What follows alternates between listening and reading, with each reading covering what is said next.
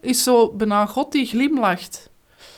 Maar ja, ik kan het niet anders uitdrukken. In die zin van dat mensen groeien. Ik denk, denk dat, dat ik dat vooral hoop. Dat mensen op de een of de andere manier binnen de geestelijke oefeningen gegroeid zijn en ook zo een, een manier van bidden, van leven hebben ontwikkeld, waardoor ze de rest van hun leven verder kunnen groeien. Uit de mis voor Ignatius zingt ensemble Moxos het Kyrie. Heer, ontferm u over ons. Christus, ontferm u over ons.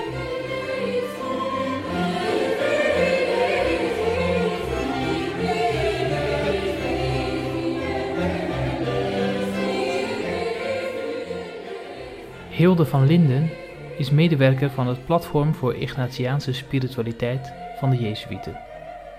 Ze organiseert hier retraites met de geestelijke oefeningen en tijdens die retraites is ze dikwijls begeleider van de retraitanten. De kennismaking met de geestelijke oefeningen betekent in haar eigen leven een ommekeer. Ben Vree interviewt haar voor deze serie over de geestelijke oefeningen en stelde als eerst de vraag aan haar: Hoe ben je met die oefeningen in contact gekomen? Eigenlijk was ik zelf heel lang op zoek qua geloof. Ehm, ik ben katholiek opgevoed, maar ik heb zelf het gevoel dat ik uit een doelkerk kom. En uh, het stukje van gebed en spiritualiteit heb ik gemist zonder dat ik het ook besefte. Op een bepaald moment, dus ik ben ook heel lang actief geweest bij jongerenpastoraal. Um, op een bepaald moment blijven zoeken Ah ja, en dan heb je het voordeel dat de digitale middelen ter beschikking zijn. Dus beginnen zoeken op allerlei trefwoorden. En zo ben ik eigenlijk bij de Loyola-tocht, de pelgrimstocht, die tot voor kort uh, doorging, um, terechtgekomen. En bij de omschrijving eigenlijk gedacht van, dat is iets voor mij. Ik denk dat dat vaak zo werkt, van, dat je wel zoiets, een gevoel hebt van, ik moet dat doen, maar ik weet niet waarom. En wat is die uh, Loyola-tocht? Loyola-tocht is eigenlijk een uh, pelgrimstocht van uh, ja, tien dagen, waar men in grote groep, in kleine groepjes en ook alleen op weg gaat. Um, dat is in Spanje, omdat men ook het, um, ja, het verhaal van Ignatius volgt.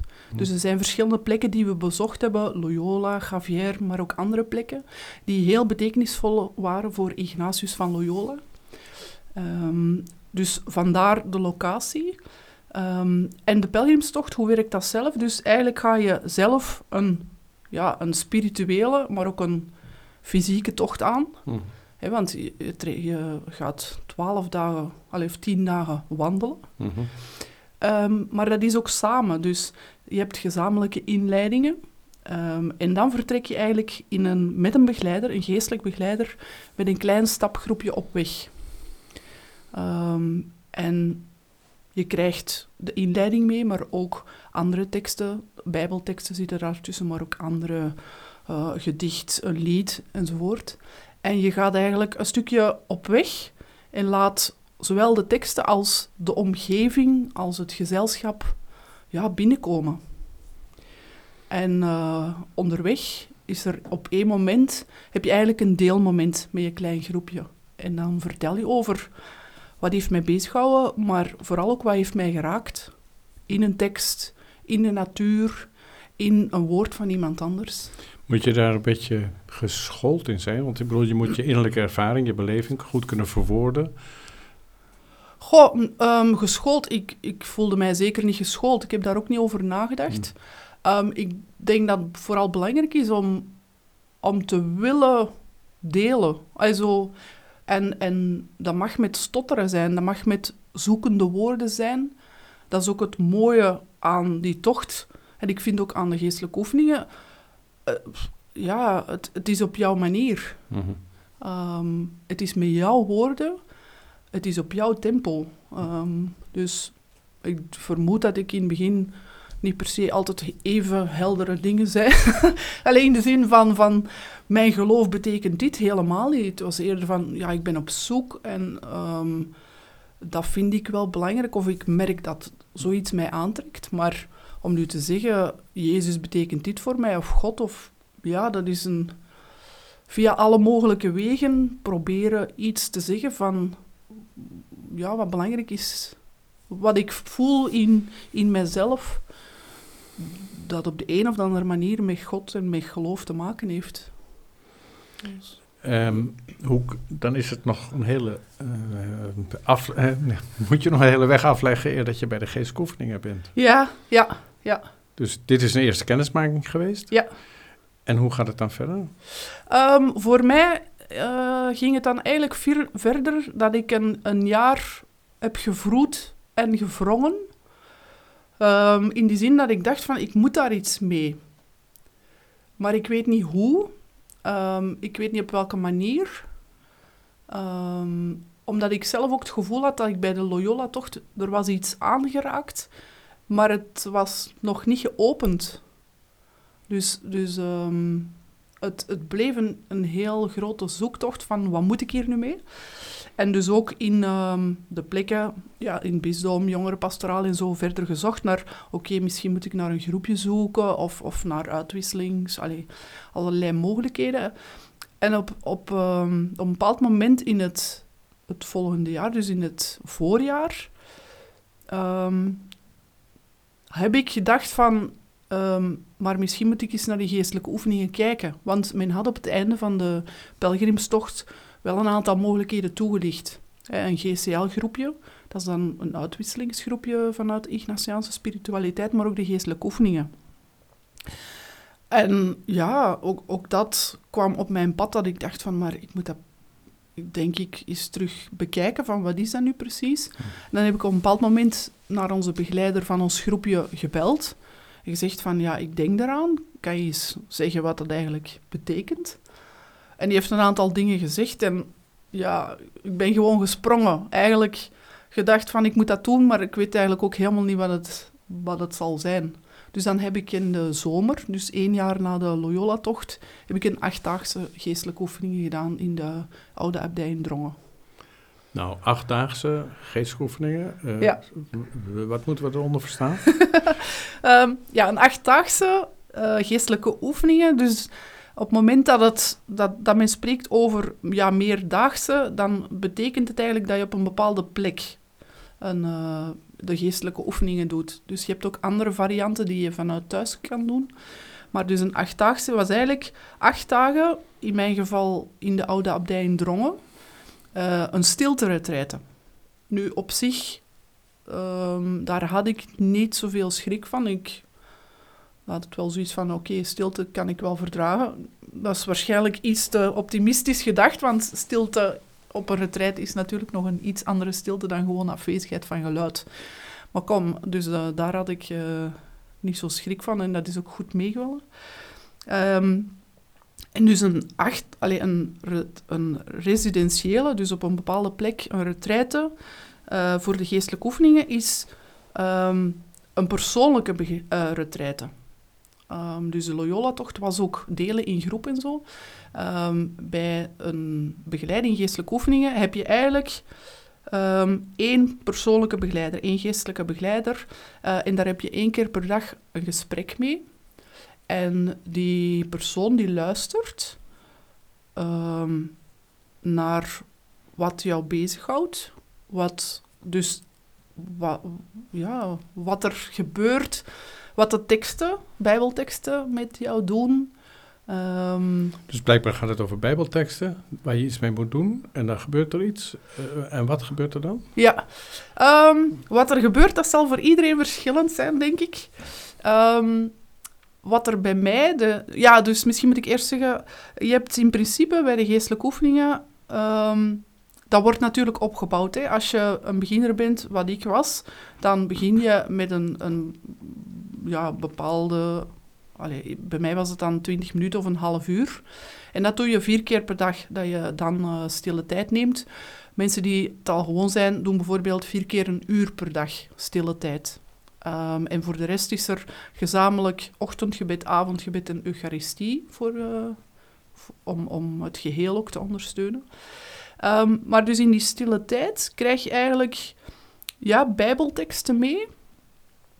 Ehm, ja, en, en wordt dan gevraagd om daarmee te bidden. In het begin gaat het dan over, ja, eens kijken van wat doet die tekst met mij. Dus voor mij was het ook een zoektocht van, ja, wat is bidden eigenlijk voor mij?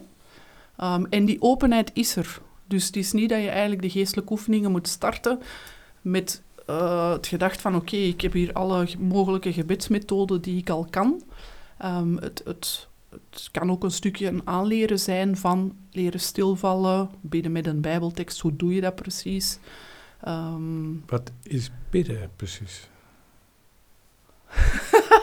Mocht ik daar een antwoord op kunnen geven? Ehm, goh, ik... Ja... Om het... Om het eh, ja, op een manier te zeggen waar een aantal mensen al zouden zeggen, help, ik loop weg. Het gaat, eh, het gaat wat ik ontdekt heb in, tijdens de geestelijke oefeningen, is dat het gaat over... ehm, ja, zo een, een ontmoeting met God, maar dat klinkt zo... Ja, wow, wow, wow. Allee, bedoel... Ja, als het zo is dan is het. Dat, ja, maar dat is even goed... Ik weet, ik weet dat dat net mijn zoektocht was. Van, oké, ik voel mij wel gelovig, maar waarom ben ik christelijk gelovig? Hè? Dus gelovig in die zin van... Ja, ik probeer een goede mens te zijn. Maar zo, wat betekent God daar dan in en Jezus daarin? En ik heb dat ontdekt, dat het... ehm, en het is zo eenvoudig, maar zo... Ja, vertel het maar aan God. Of vraag het aan God van... Wat bedoelt je hiermee? En, en hoe... Wat, wat wilt je dat die tekst eh mij Nou, aanreikt? Dat suggereert dat je gewoon met God zou kunnen praten. Ja. Eh, ja, ja. Zegt hij wat terug. Eh, natuurlijk niet met een megafoon of niet, niet letterlijk in mijn oor, maar Nee. zo, ja. Ja. Ja, en dat is natuurlijk een stukje een, een, ja, een manier van uitdrukken. Hè. God die spreekt tot mij. Ik bedoel, eh, dat, is, dat is een beeldende manier om iets uit te drukken wat ik ervaar. God die spreekt door mij door een tekst of door een ontmoeting of de natuur. Ehm, Gaat het over emotie? Gaat het over iets verstandelijks? Iets waar je bij kunt nadenken? Ik leg iets uit, ik zie- begrijp een tekst en dus Mhm. gebeurt er iets met mij? Of hoe, Ik ben natuurlijk nu al een aantal jaar verder, dus eh, ik ben ik ben aan het proberen terug te halen hoe het, hoe het werkte in het begin. Want, want nu, nu denk ik van ja, het is, het is ook een stukje een combinatie. Het, het is, ehm, maar ik denk het belangrijkste gaat over niet emotie, want emotie vind ik een te oppervlakkig woord. Dat kan, hè, dus de trein was er net te laat bijvoorbeeld en ik ben eventjes slecht gezind. Dat is een emotie en, en binnen vijf minuten is die weg. Maar zo, het gaat op een, over een diepere laag van... Ja, waartoe... Wat maakt mij ten diepste gelukkig? En ik kan niet anders, als ik dat uitleg, dat kan je natuurlijk niet zien, maar zo... De, duiden zo net onder mijn hart, ik weet niet, zo die plek van, van... Daar zit het. En wat maakt mij gelukkig? maar zonder mijzelf in het centrum te plaatsen. Want voor mij hangt die vraag heel sterk ook samen met, ehm, ja, waartoe ben ik hier op deze wereld en hoe kan ik iets betekenen voor de wereld, voor anderen? Wat vraagt God van mij? Maar ja, dat is ook weer zo'n grote zin, hè. Eh, maar daar gaat het eigenlijk over. En daar probeer ik dan naar te luisteren. Vanuit bijbelteksten, soms vanuit eh, enkel de stilte. wat kan de reden zijn om naar God op zoek te gaan? Een reden. Ehm, Je hebt verteld, je hebt een aantal ervaringen opgedaan, waardoor Mhm. je eh, op dat spoor kwam, retraite bent gaan doen. Ja. Maar wat zoek je bij God? Wat wil je dat er dan gebeurt? Ja, we zitten hier niet voor niks, hè? Ehm, wat wil je daar... Ja, wat... Ja, dus spontaan heb ik bij de vraag van wat wil je dat er gebeurt, dan sta ik al terug te centraal. Dus, maar ja, het, misschien is dat net het antwoord zo, dat ik niet centraal sta in mijn leven. En ja, maar dat ik mij mag geven aan de anderen, aan, aan ja. Zo het, ja, dus dat hangt ook, ook samen, denk ik, met zo zingeving en spiritualiteit. Waarom zijn we hier op de wereld? Ja, dat, dat zijn zo'n grote vragen, maar ik geloof wel dat mensen daar, dat veel mensen daar op zoek naar zijn. Van, ja, zijn we hier maar toevallig zo aanwezig of, of willen wij ook proberen iets te betekenen? Zij het op die korte tijd dat we hier, dat we hier zijn, maar... ehm, ja, dus het heeft toch heel sterk te maken met zo... Niet gewoon enkel en alleen altijd mezelf in het centrum te plaatsen, wat al een mega opdracht is op zich. Ehm, maar zo de ruimte te laten voor... Voor wat... Ja, anderen, voor... Voor wat, iets, iets dat ik mag bijdragen. Maar... Je hebt even het woord spiritualiteit gebruikt. Mhm. Dat is natuurlijk een heel geheim, geheimzinnig woord tegenwoordig. Dat betekent van alles en nog wat. Ja. Maar wat versta jij daaronder?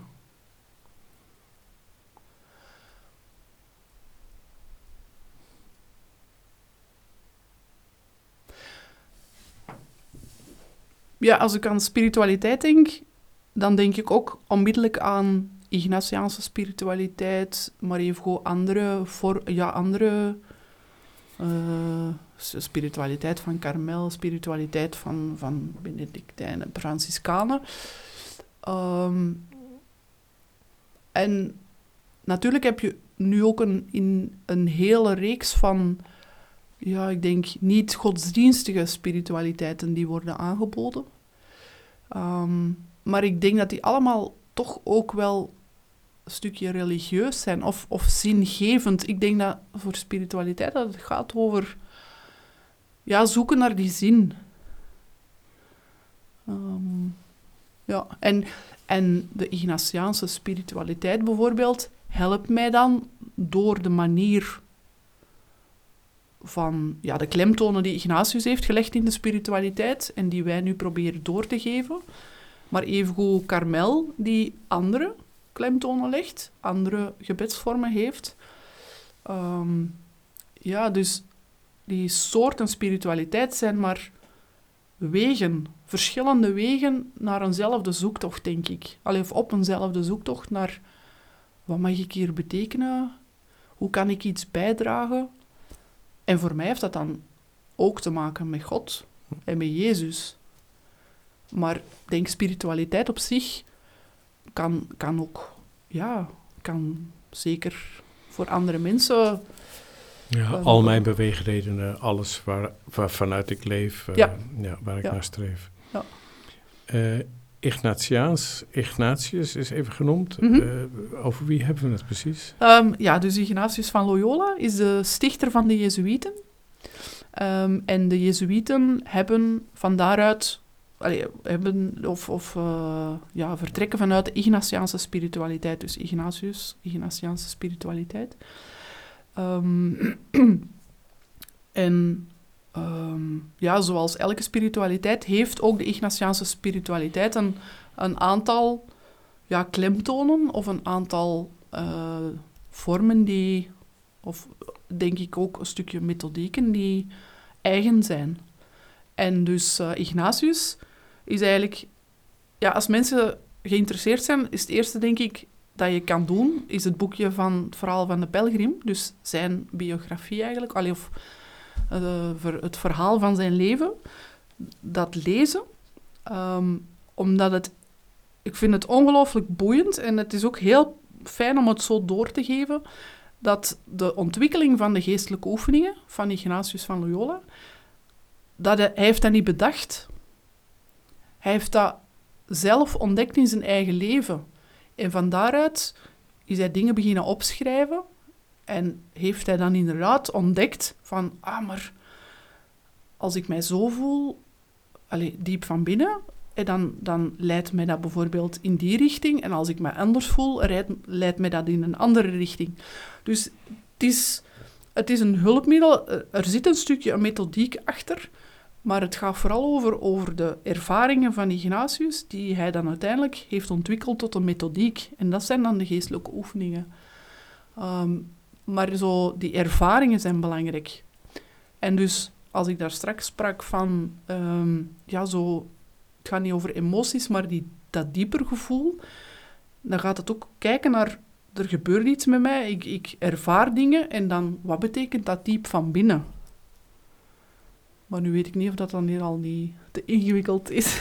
Ja, geestelijk leven, het is natuurlijk, we praten over iets abstracts, daar is, komen we Mm. niet langs. Dus, Mm. eh, het zal, eh, ja, sommige mensen raken omdat ze voelen dat het iets met hen te maken heeft. Zoals bij Mm. jou ook, je was bij zo'n tocht en dan merk je, hé, hey, hier gebeurt iets, daar moet ik iets mee. Eh, wat is het parcours ruwweg van die geestelijke oefeningen? Wat heeft Ignatius bedacht? Hoe zit Mm. dat nou in elkaar? Ehm, ja, dus in principe ehm, heb je... Ja, de geest, je hebt, ondertussen hebben we de geestelijke oefeningen in ongelooflijk veel verschillende vormen. Ehm, dus iemand die heel beginnend is, moet zeker niet beginnen met de volledige geestelijke oefeningen. Wat zijn die volledige geestelijke oefeningen? Dat is ofwel een 30-daagse, residentieel, dus dat wil zeggen op één plek, bijvoorbeeld in een abdij, waar men 30 dagen aan een stuk de geestelijke oefeningen ja, doet, samen met één persoonlijke geestelijke begeleider. Dus een maand in stilte, Ja. teruggetrokken, ik Ja. weet van niks meer, alleen mijzelf. Ehm, ik hoop niet dat het gaat over ik weet van niks meer, want het is wel de bedoeling om het leven, ook al is het een beetje afgesloten, eh, om het leven van alle dag daar toch in te betrekken. Mhm. Dus het is niet een wegvluchten eh, van, de, van, van je eigen leven of de realiteit, maar wel ja, een stukje exclusieve tijd voor jezelf en voor God krijgen. Ehm, maar natuurlijk, die vorm is eh, voor heel veel mensen helemaal niet realistisch. Ehm, en dus heeft Ignatius eigenlijk ook van begin al ehm, eraan gedacht, ook vanuit de praktijk, hij begeleidde ook heel veel mensen, dat de geestelijke oefeningen ook in het dagelijks leven kunnen eh, begeleid worden. En dus de vorm zoals wij die nu ook hebben, is dat mensen negen maanden aan een stuk, elke dag met een bijbeltekst bidden, ehm, en dus één keer per week eh, begeleid worden. Negen maanden, dat is natuurlijk ook een heel engagement. Ehm, we starten trouwens eerst met één maand om te zien of het inderdaad wel lukt om het te integreren in het leven. hè, Want het werk gaat door, gezin gaat door, andere bezigheden gaan door. Ehm, maar dus dat zijn de volledige geestelijke oefeningen. Dus dan ben je toch al een stukje op weg, denk ik, qua geestelijk leven, qua gebedsleven. Maar we hebben nu ook ehm, eh, ja, dus de achtdaagse die ik daar straks heb vernoemd, bestaan ook, vijfdaagse ook. En we merken, eh, dus we hebben de laatste jaren ook heel wat varianten voorzien. We hebben nu een voorzien driedaagse, dat mensen ook al eens kunnen proeven. Want ja, wat is, een, wat is stilte? Ik bedoel, stilte, fysieke stilte op zich bestaat nog nauwelijks. Dus het is best wel een heel grote stap voor mensen om ineens drie dagen in stilte te gaan. Ehm, dus we zijn echt aan het proberen te kijken van, ja, hoe kunnen we mensen ook ja, laten proeven. Die denken van, oh, maar dat, dat, dat trekt mij aan, maar drie dagen in stilte, na, na een half dag wil ik gewoon weglopen, want ik wil eens praten. Ehm, dus, en ook ze, hebben we nu eh, heel wat varianten, zo geestelijke oefeningen en film, bestaat al heel lang. Ehm, waar we ook het, ja, beelden spreken ook heel sterk. Dus daar worden eigenlijk films gecombineerd met bijbelteksten en mensen gaan zo op weg met de geestelijke oefeningen. Ehm, een nieuwe versie nu was de schrijfmeditatie vanuit de geestelijke oefeningen. Ehm, we hebben ja, stilteweekends waar mensen geïntroduceerd worden. Dus- Dan valt nogal eens het woord stilte. Waarom, waarom is stilte nou zo belangrijk? het discours. Je moet toch met mensen praten. Je moet toch, je- dan sluit je je op en dan ga je Mhm. alleen met je eigen gedachten verder. Mhm. Ja, eigen gedachten, ehm, die zijn belangrijk. Ehm, maar ik denk dat de stilte... Ja, stilte is geen, geen doel op zich. Maar het, is, het helpt wel natuurlijk. Want in, in nu eh, zijn we dagdagelijks, krijgen we duizenden impulsen. Of als het niet meer is op een dag. En dus als we op zoek gaan naar, maar wat is nu echt fundamenteel belangrijk, wat is essentieel, is het ook goed om impulsen te kunnen, degene die we kunnen stopzetten of kunnen ehm, ja, verwijderen tijdelijk, hè, eh, om die al opzij te schuiven. Dus dat is een, een eerste stapje, denk ik, van waarom die stilte. Ehm, en in de stilte ehm, ja, als we geen mogelijkheid hebben om te spreken, behalve één keer per dag met een begeleider, misschien dat onze oren dan ook groter worden. Ehm, en dan bedoel ik, ja, de oren, nu er is stilte, dus onze oren, maar, maar zo, misschien ook de oren van ons hart. Ehm, Innerlijk leven. ja, ik vind dat, ja, ik vind dat zelf een heel mooi beeld eigenlijk. Zo de oren van ons hart om, om ja, te laten binnenkomen, die bijbeltekst. Maar evengoed, goh, als ik bijvoorbeeld in de tuin van de oude abdij wandel... Ja, ik, ik, ben, ik kan er zo van genieten. Voor mij gaat dat over geloof. Dat, dat gaat over verwonderd zijn van... Ah, zo'n klein bloemetje en dat is zo mooi gemaakt. En, en allee, hoe kan dat nu dat dat 2 mm op 2 mm en er zitten dan nog 100 streepjes in. Allee, zo die verwondering ook van, van... Ja, en als je dan die stilte hebt en ook die tijd, dan denk ik dat er wel iets kan gebeuren. Ehm, als ik terwijl ehm, een koptelefoon op heb, met nog het nieuws dat er doorkomt en nog een beep van een sms die binnenkomt, dan heb ik dat bloemetje niet gezien. Ehm, of als ik denk, ah ja, straks moet ik dat nog doen en dat ook nog doen en dat ook, dan, dan, ja, dan lukt het niet om, om tot die binnenkant te komen, om, om stil te vallen, denk ik. Wat is het eh, effect mogelijkerwijs van eh geestelijke oefeningen voor het leven wat erop volgt? Mhm. Eh, gebeurt er iets waardoor ik anders ga leven? Eh, Ehm, gelukkig ligt dat niet vast. Ehm, dus het is, ehm, de geestelijke oefeningen op zich is een gebedstraject waar een bepaalde vooropgestelde ja, dynamiek in zit. Maar iedereen gaat zijn eigen weg. En dus het is niet... Wij geven ook geen wijze van- bij wijze van spreken. Om te zeggen van, ja, als je dit nu doet, dan weet je op het einde, die keuze moet ik maken. Ehm, ik hoop en ik wens het ook iedereen toe die eraan begint, dat er iets verandert. En dat men inderdaad op het spoor mag komen van, waar wil ik nu echt voor kiezen? Want ik denk dat die echt vind, zo authentiek, waar wil ik meer tijd voor maken dat ik tot nog toe niet deed? Wat wil ik schrappen uit mijn agenda, waar ik al eigenlijk al van wist van, dat geeft mij geen leven. Uh, maar het lukt mij niet om het te schrappen. Ehm, ja, dus ik denk dat... Er, zijn mensen die de geestelijke oefeningen starten met een keuzevraag. Eh, dat kan zijn inderdaad van, eh, wil ik huwen of niet? Of, of uh, het, het, religieuze leven, dat is natuurlijk een zeer grote vraag. Maar het kan even goed zijn van, goh, misschien wil ik wel van job veranderen. Of ik ben op zoek naar een vrijwilligerswerk.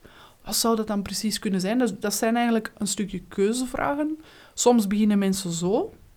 Um, en dan hoop ik dat er toch iets duidelijk wordt op die negen maanden. Um, maar ja, ook dat, na de negen maanden stopt het hopelijk niet. Dus het is eigenlijk de bedoeling dat mensen ook verder gaan met het proberen tijd te maken om te bidden, stil te vallen. En te zien, uh, ja, het is eigenlijk een levenslang onderscheiden. Uh, en, en in grote en kleine keuzes. Um, anderzijds heb je ook mensen die de geestelijke oefeningen um, doen zonder een heel expliciete keuzevraag. En daar denk ik, dat men ook echt op zoek gaat van hoe kan ik geloof, God, Jezus, een, een iets grotere plaats in mijn leven geven. En tijdens zo'n retraite of tijdens de geestelijke oefening in het dagelijks leven probeert men al een beetje te oefenen en in de hoop dat men dan een manier vindt om het nadien ook verder te zetten, denk ik.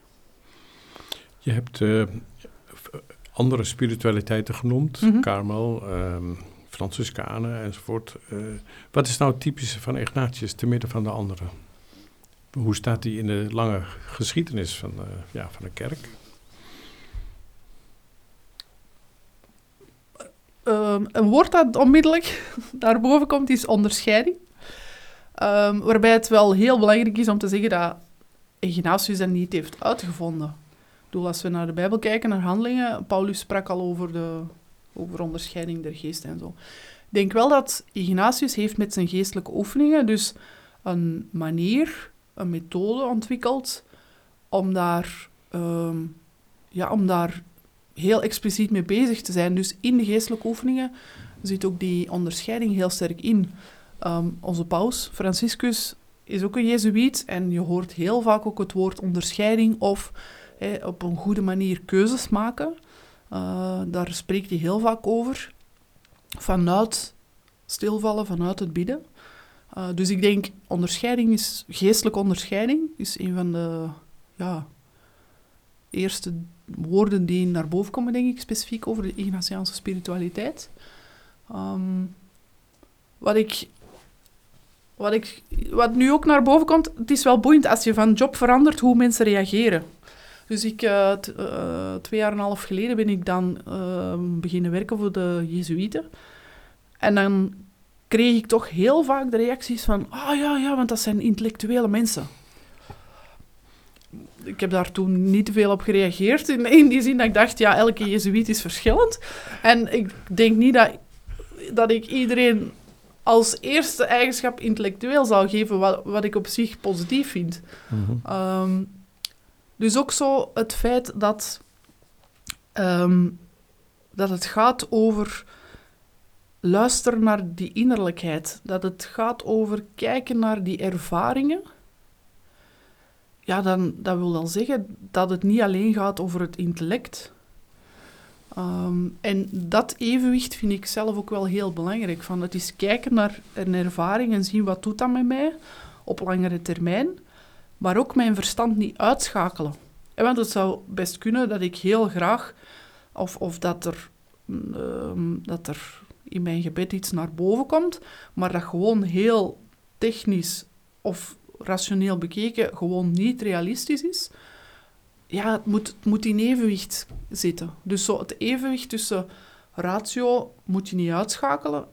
Ook in keuzes maken moet je, dat, uh, moet je die, de, je ratio betrekken, je verstand. Maar dat in combinatie met ja, die innerlijkheid, kijken naar die ervaringen, gevoelens, wat beweegt daar. Um, ja. We zitten toch niet ver van de psychologie, hè, als ik jou zo hoor praten. begeleiding. Uh, ja, als ik zo mij voorstel, een mm -hmm. gesprek. Ik zit met problemen, ik heb innerlijke bewegingen die ik niet kan thuisbrengen. Mm -hmm. uh, ja, of misschien is er uit mijn verleden wel iets uh, ergs gebeurd, waardoor ik mm -hmm. een beetje geblokkeerd ben. Of wat het ook allemaal kan zijn. Dat zijn allemaal dingen die in die retraite en in die geestelijke ook tevoorschijn kunnen komen. Ja, dat kan inderdaad. Ja. Hoe, hoe, verhoudt zich dat dan tot, wat, wat is psychologie hier, wat is geloof, wat is spiritualiteit?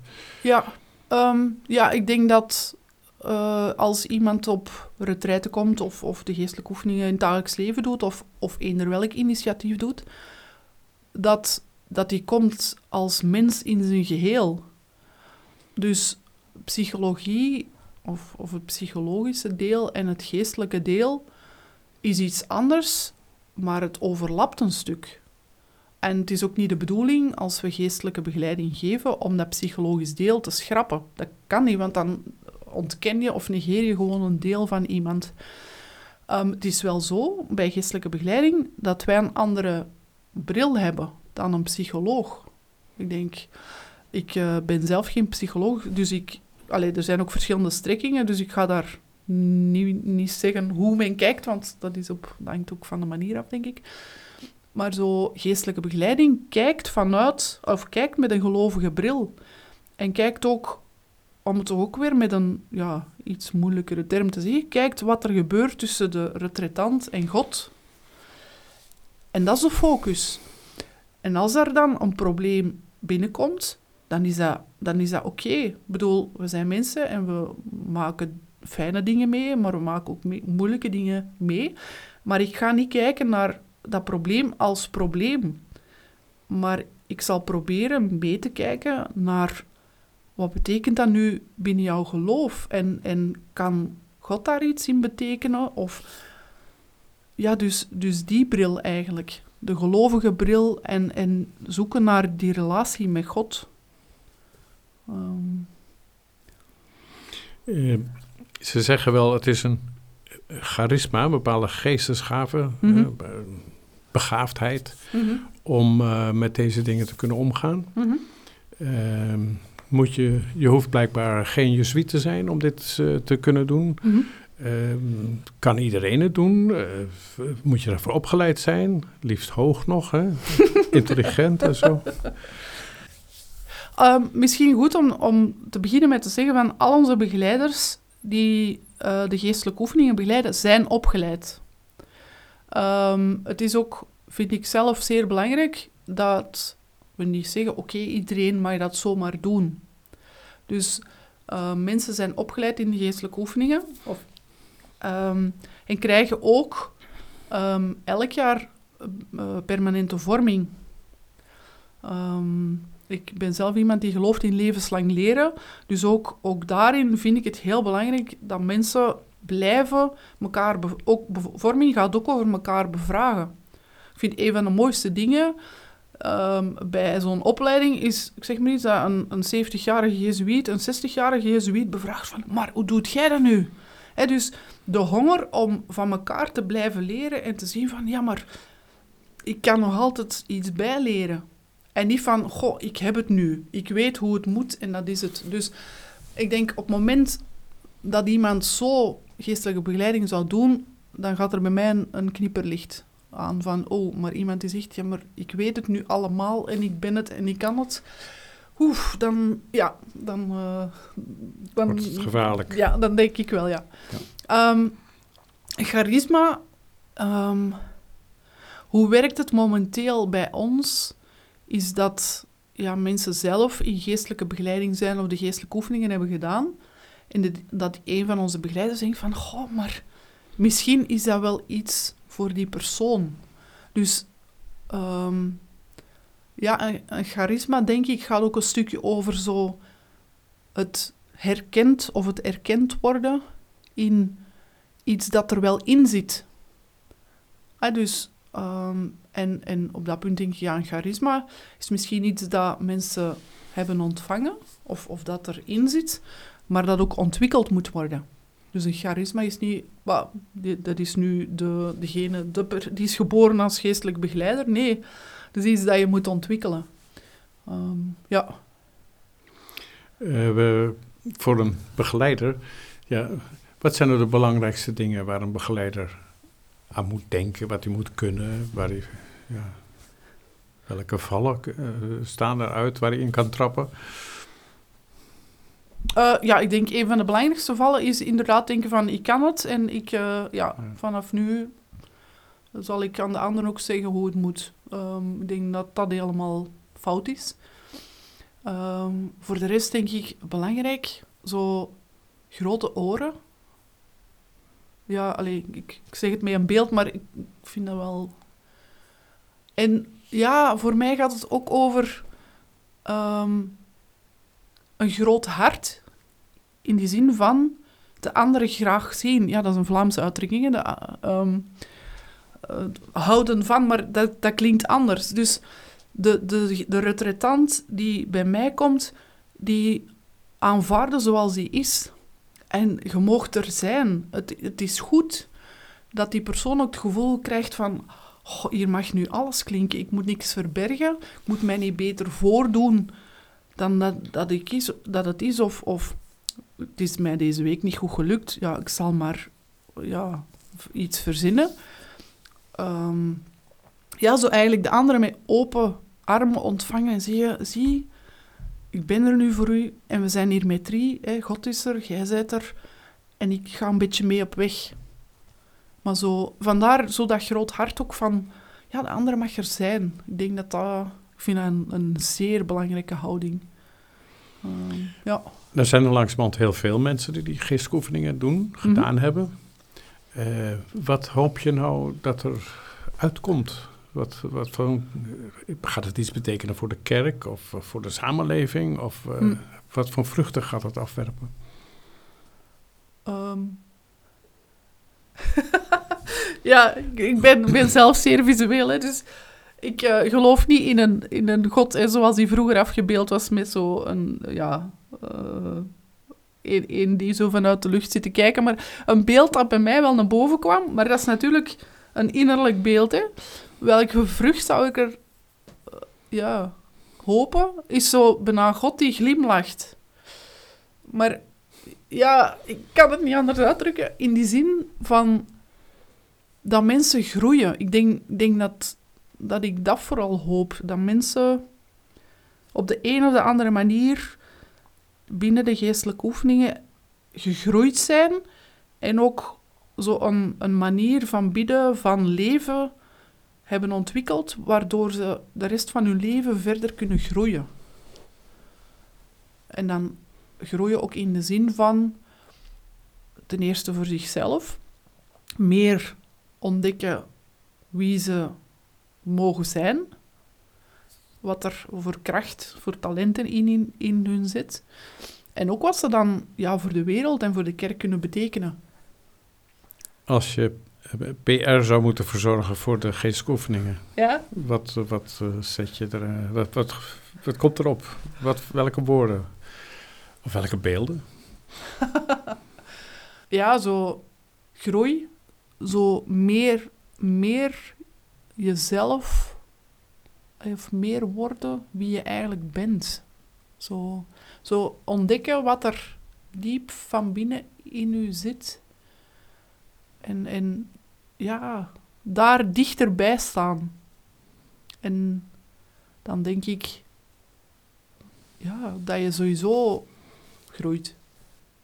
Ja, en dan PR hangt er ook een stukje af van, van de doelgroep.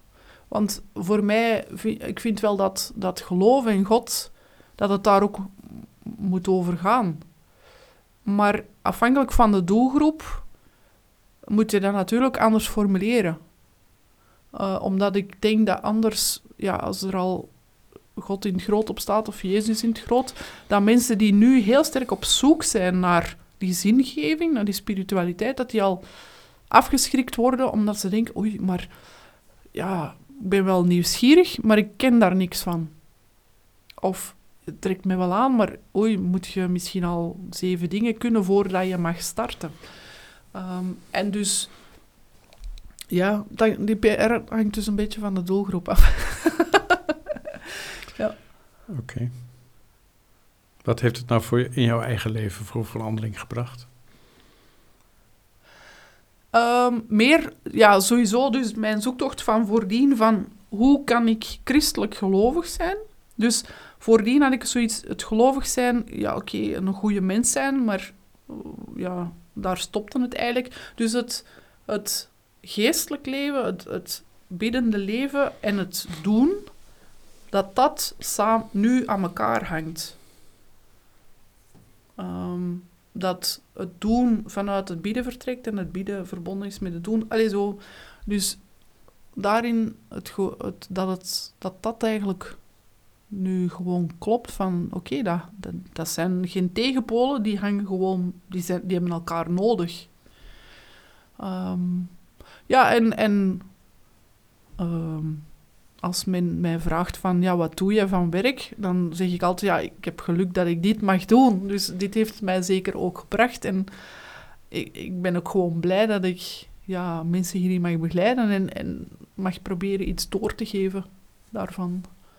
Dus ja, en mensen ook gewoon enthousiast maken van, van ja, als je niet weet wat bidden is, kom, we zitten al samen en we proberen. We springen eens en wie weet geeft het iets. Dus ja, Dus veel vreugde eigenlijk. Ja, Ja. allee, ja. ja Goed. zo, maar diep van binnen. Van, zie, het klopt.